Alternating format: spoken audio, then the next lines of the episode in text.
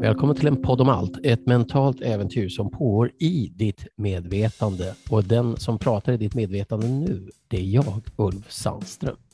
Och den som pratar i ditt medvetande nu, det är jag, Fredrik Presto. Ja, det där med medvetande är ju någonting som man fortfarande inte riktigt har kommit överens om inom vetenskapen, var det sitter, hur det mm. funkar. Och... Nej, verkligen inte. Det här är alltså den stora grejen, eh, anser många inom vetenskapen. Det kallas för the hard problem, alltså hur... Det är det här klassiska, liksom, om jag säger färgen blå så är vi överens om vad som är blått, men det går inte att veta hur vi upplever den färgen. Eh, Nej. hur någon annan kan, upplever den. För dig kan den vara röd och för mig kan den vara blå, tvärtom. Ja, eller hur? Så det kallas qualia, tror jag, alltså själva det subjektiva upplevandet av saker. Mm. Och, och, Det här är någonting som gör att vi upplever att vi är överens om saker. Vi säger till exempel, ah, men nu ska vi, det här ska vi göra rättvist. Ja, säger alla. Ja, men, precis. Men vad rättvist är, det är ingen som vet. Eller nu ska, nu ska vi vara demokratiska. Nej, vadå demokratisk? Jag är demokratisk. Mm. Det här med att, att vi gör en podd om detta, det beror ju på att vi har ägnat väldigt mycket tid åt att titta på de här sakerna och undersöka dem verkligen i detalj, samtidigt som vi då har coachat tusentals klienter mellan oss och var och en av oss i att se annorlunda på verkligheten för att kunna handla och må annorlunda. Mm, exakt. Det som en, en klient normalt behöver hjälp med är en av tre saker. Antingen tankar, eller känslor eller beteenden. Ja, och där kan man ju säga ett beteende, du är vad du gör på ett sätt och på ett annat sätt, du är vad du tror att du är. Ja, och på ett tredje sätt, du är vad du känner att du är. Ja, så, och där har du alla de tre, alltså hur du agerar, hur du tänker och hur du känner. Mm. Och om du då är övertygad om att du, eh, det är för sent, det är för tidigt, det är för svårt, det är för lätt för dig att göra någonting, då kan det hindra dig från att prova eller från att låta bli. Mm, precis. Och ofta är de där tankarna inte ens medvetna. Alltså, man, man tänker inte på hur man tänker eh, väldigt ofta. Men det där är ju då vårt jobb när vi har våra klienter att, att komma fram till det och sen så förändra det som inte är så bra och behålla det som är bra naturligtvis. Och bra och dåligt är också subjektivt. kan man säga ja, det, det, som, det som verkar funka eller det som ger de resultat som man upplever. Alltså, det här är väldigt gungfly. Vi, vi gjorde en kurs på fyra timmar där vi efter en timme hade vi samtliga kursdeltagare var liksom otroligt både frustrerade och en del var lyckliga, en del var frustrerade. Därför att uppgiften de fick var att fundera på vad, vad är det de egentligen vet? Mm, precis. Nu har jag för mig att vi skilde på vad jag vet att jag vet, vad jag tror att jag vet och jag vet att jag tror. Här för mig, något åt det hållet. Det var lite listigt. Men, ja. men det är ingen skillnad. Nej, det, det mesta kommer man ju fram till då, om man börjar verkligen fundera på det, så kommer man fram till att det är väldigt mycket man tror att man vet, fast man egentligen inte vet. Ja. Och, det där, och det där blev lite jobbigt för en del, men, men det blev bra i slutändan, för det blev samtidigt en, säger man, revelation. Om vi nu skulle undersöka vad, vad det är att, för vi bygger ju just nu, de här, det här poddavsnittet bygger på den bok vi har skrivit som heter Unpack your existence, som är 34 meditationer eh, och 86 strategier eller sätt att undersöka olika saker. De, de, de som har funkat bäst för människor när vi har hjälpt dem. I första kapitlet så handlar det om att man, du skapar, alltså vare sig du vill eller inte, så skapar du din verklighet. För så som du tror att den är, så är den för dig. Mm. Och, och, Det innebär att du utgår normalt inte från en objektiv verklighet, utan du utgår från dina man skulle kunna säga övertygelser om hur världen ser ut. Och Det finns ingen omväg kring det. Det, det måste vara så, så det är inget dåligt. Nej, eh, precis. Och, och, och, det är inte heller nödvändigtvis bra. Nej. Utan menar, under en tid så var alla livrädda för att äta ägg. Jag tror att det var för att det var kolesterol eller vad det var. Sen, sen ja, plötsligt visade någon forskningsstudie att det var tvärtom. Man skulle äta ägg för två ägg om dagen ger dig all näring du behöver. Och sen kom ytterligare någon studie som sa att det där gäller inte vissa människor med någon eh, annorlunda ämnesomsättning. Mm.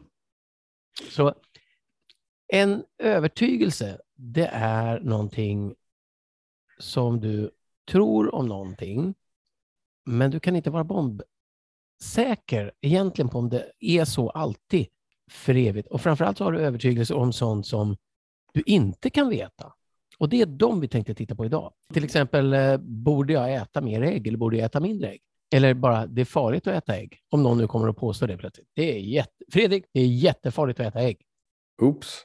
Ja, I så fall lever jag farligt. ja jag med. Eh, Living on the edge. Jag precis, on the eggs. Living on the eggs. Jag, äter, jag är en rebell, jag äter ägg. Verkligen. Men när det är en sån, när någon kommer med en sån påstående att någonting, eh, någon annan påstår att någonting är väldigt bra eller dåligt, då kan det vara knepigt. Därför att du kan ju då säga, eh, du kan gå in med lite sokratisk frågeställning. Gäller det alla ägg och alla människor alltid? Eller finns det vissa fall där det är det enda som kan rädda någon? Och finns Mm. det vissa fall där det är något som faktiskt skulle kunna vara skadligt? Mm. Och det, där kan man ju, alltså, för att vara helt ärlig, det kan du inte riktigt få svar på. Nej. Så vad jag tror att du försöker komma fram till nu, Ulf, är två frågor man kan ställa sig i det läget. Eller Ja. hur? Ja. Precis, och det är ju det. Vi, vi bygger ju mycket av det vi gör på, det, det finns ju två filosofier kan man säga. Den- ena är maybe logic, att man istället för att säga det är så här eller det är inte så här, så har man en glidande skala. Eh, Och det andra är eh, E-prime, som är att man är- byter ut bombsäkert vetande mot att det verkar vara på ett visst sätt. Mm. Precis. När vi funderar på dem så det tar tid att förklara dem. Det tar tid att sätta sig in i och vi rekommenderar dem varmt. Men vi kunde destillera ner en del av effekten, eh, den positiva effekten av att komma förbi en fråga som inte har ett svar och kunna jobba vidare med hjärnan genom att ställa sig två frågor. Mm. Så om du då har den där eh, tanken, det är livsfarligt att äta ägg till exempel. Japp. Så den första frågan du ställer dig själv, tänk om det är så. Och sen funderar du på vad det innebär. Och nu hör du att vi går rätt in i självaste medvetandet, vad det nu är, och säger tänk om det är så. Mm. Det vill säga föreställ dig att det är så och så föreställ dig alla möjliga konsekvenser och alla möjliga handlingar och vad du borde göra i sådana fall och vad det innebär för världsfreden och, och alltihopa. Ja. Och sen ställer du helt enkelt nästa fråga. Tänk om det inte är så. Och så gör du samma sak. Och fundera precis. Och när du har gjort det här, då kan man säga, om du bara lyssnar på det här nu och inte gör det, så kommer du inte att känna någonting. För känna gör vi bara när vi gör någonting. Så vad du kan göra nu för att hjärnan ska få det lättare att ta ställning till det här, det är att du skiftar någonting i din fysiologi. Eh, Fysiologi låter ju fint. Ja, Eh, fint ändra på kroppen. Ändra på kroppsställning, rör dig annorlunda, spänn några muskler som inte var spända, slappna av i något som inte var avslappnat. Andas annorlunda, andas fortare eller långsammare, grundare. Håll andan i några sekunder och se vad som händer.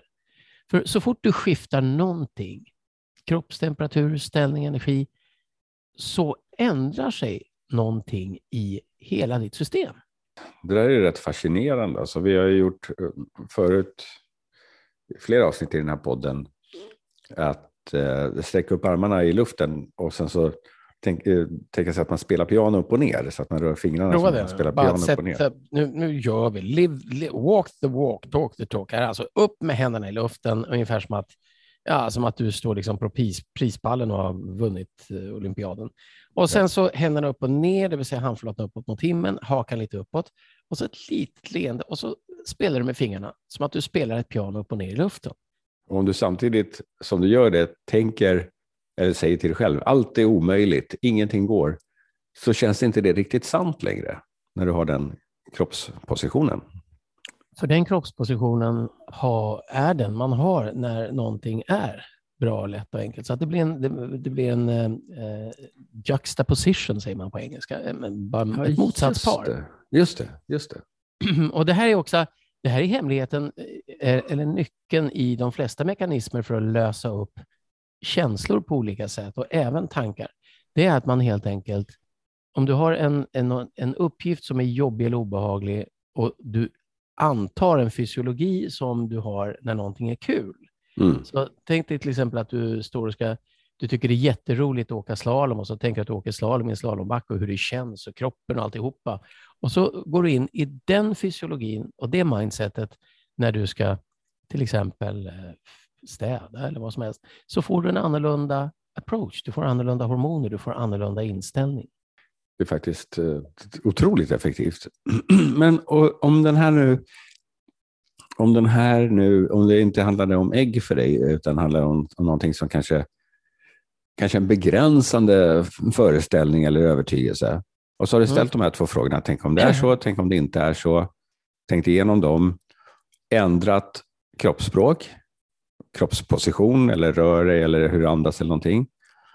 Sen kan du tänka nästa steg och det är att du tänker på någon annan eh, person, verklig eller i bara fantasin, som skulle kunna tro på ett annat sätt, ha en annan övertygelse. Det. det. kan liksom vara eh, Buddha eller Pippi Långstrump eller, eh, eller din mormor. Liksom. Det spelar ingen roll. Någon annan som skulle kunna ha en annan övertygelse. Mm. Och sen då? Vad gör jag sen? Jo, sen tänker du på vad de skulle i så fall göra med sin övertygelse. Och bara föreställ dig vad de skulle göra. Jag, jag tänkte omedelbart på Pippi och hon hade liksom tagit ett ägg och så hade hon ätit lite grann och väntat och sett om något hände. Ja, precis. Krumelurpiller. Eller hur? Men det här, och ägg, ägg är ju ett exempel på en tanke där man inte riktigt vet, men det kan vara ett beslut Borde jag, köpa, borde jag köpa den här cykeln till exempel? Om det bara är mm. något sånt. Eller kan, hur, jag, det verkar omöjligt för mig att gå ner i vikt. Eller jag kommer aldrig att bli smidig nog och kunna kråla eller whatever. Ja. Tänk om det är så, vad borde jag göra då? Tänk om det inte är så, skifta någonting och så tänk vad hade, vad hade Pippi eller Buddha gjort? Och, och, det blir, alltså när man tänker vad någon annan hade gjort, då blir det fånigt nog en enkel handling. Mm. Pippi hade förmodligen gått ner i vattnet och känt efter och sagt, tänk om det är så. Mm. Um, och sen när du har föreställt dig vad de skulle göra, då kan du föreställa dig att du själv gör det också. Precis du föreställer vad de skulle göra och sen så föreställer du dig själv att göra det. That's it. Och när du föreställer dig det så kommer du att känna någonting nytt. Och detta är alltså återigen, man kan höra miljarder av timmar av inspelningar som den här med övningar man ska göra och så gör man dem inte, så känner man inget. och, alltså, och, och, jag vet ju, det, både du och jag vi har skrivit flera böcker så med övningar man ska göra och alltid uppmanar folk, gör verkligen övningarna. Och ibland kommer jag på mig själv att jag läser en bok och där står det, gör den här övningen, så hoppar jag över i alla fall. Men nu för tiden kommer jag på mig själv, men vänta nu, jag ska göra den. För det är så himla lätt att man, man tror att man har förstått bara för att man har läst. För, vi funkar lite så, vi människor, men du har inte förstått om du inte har gjort det. Mm. Okej, okay, men om vi tar någonting då som, som många kommer att säga till exempel. Det är en sån här, jag borde, jag borde röra på mig mer. Jag borde, jag, jag borde, ja, jag borde röra på mig mer. Mm, motionera. motionera mer eller whatever. Ja. Mm. Mm. Och då kan man ju fråga sig själv, ja, tänk om det är så att jag borde röra mig mer. Ja, men då dyker du genast upp. Jaha, men då måste jag hoppa av T-banan och gå, eller så måste jag göra det här, eller så måste jag göra det. Tänk om det inte är så. Ja, det, verkar lite, det verkar lite absurt att det skulle vara negativt att röra på sig. Men då kan jag bara fortsätta precis som det är nu. Och då hade jag kanske inte tänkt den här tanken, så förmodligen är det så. Ja, precis. För tänk om det inte är så. Det är inte, det är inte att, att det är dåligt, utan det är att jag faktiskt inte behöver röra på mig mer. Jag har den kondition jag behöver. Ja. Ja. Och det, det fanns en studie man gjorde på ett hotell med hotellstädare som eh, man, man sa så här, eh, till halva gruppen sa man Just det. Mm, jo, men man sa det, det du gör på en dag, det ger dig all den motion du behöver, något åt det hållet. Precis, och till andra gruppen sa man att du, du måste träna mer, men du kommer inte att hinna. Bra, ja. och, och de gjorde samma saker på en dag. De förbrände lika många kalorier, de rörde sig lika mycket, men de som var övertygade om att de gjorde precis rätt, de mådde bättre och hade bättre kondis. Ja. Så du är inte bara vad du gör, du är vad du tror också. Exakt back on track. Vad har vi nu? Du borde röra på dig mer. Tänk om det är så? Ja, men då borde jag göra det. Tänk om det inte är så? Ja, det verkar lite absurt, så det var bra att jag tänkte den tanken. Och så skiftar vi någonting. Vi rör oss lite, vi hoppar lite upp och ner. Vi eh, ja, sätter händerna upp och ner i luften. Vi rör lite på oss, vi andas fort. Och, och, så tänker vi, och så tänker vi på Pippi. Vad hade hon trott om det här? Och vad hade hon gjort? Ja, hon, eh, om jag skulle föreställa mig Pippi så hade hon inte ens funderat på om hon behöver röra på sig mer eller inte. Men hon hade lekt och latchat och ändå rört på sig.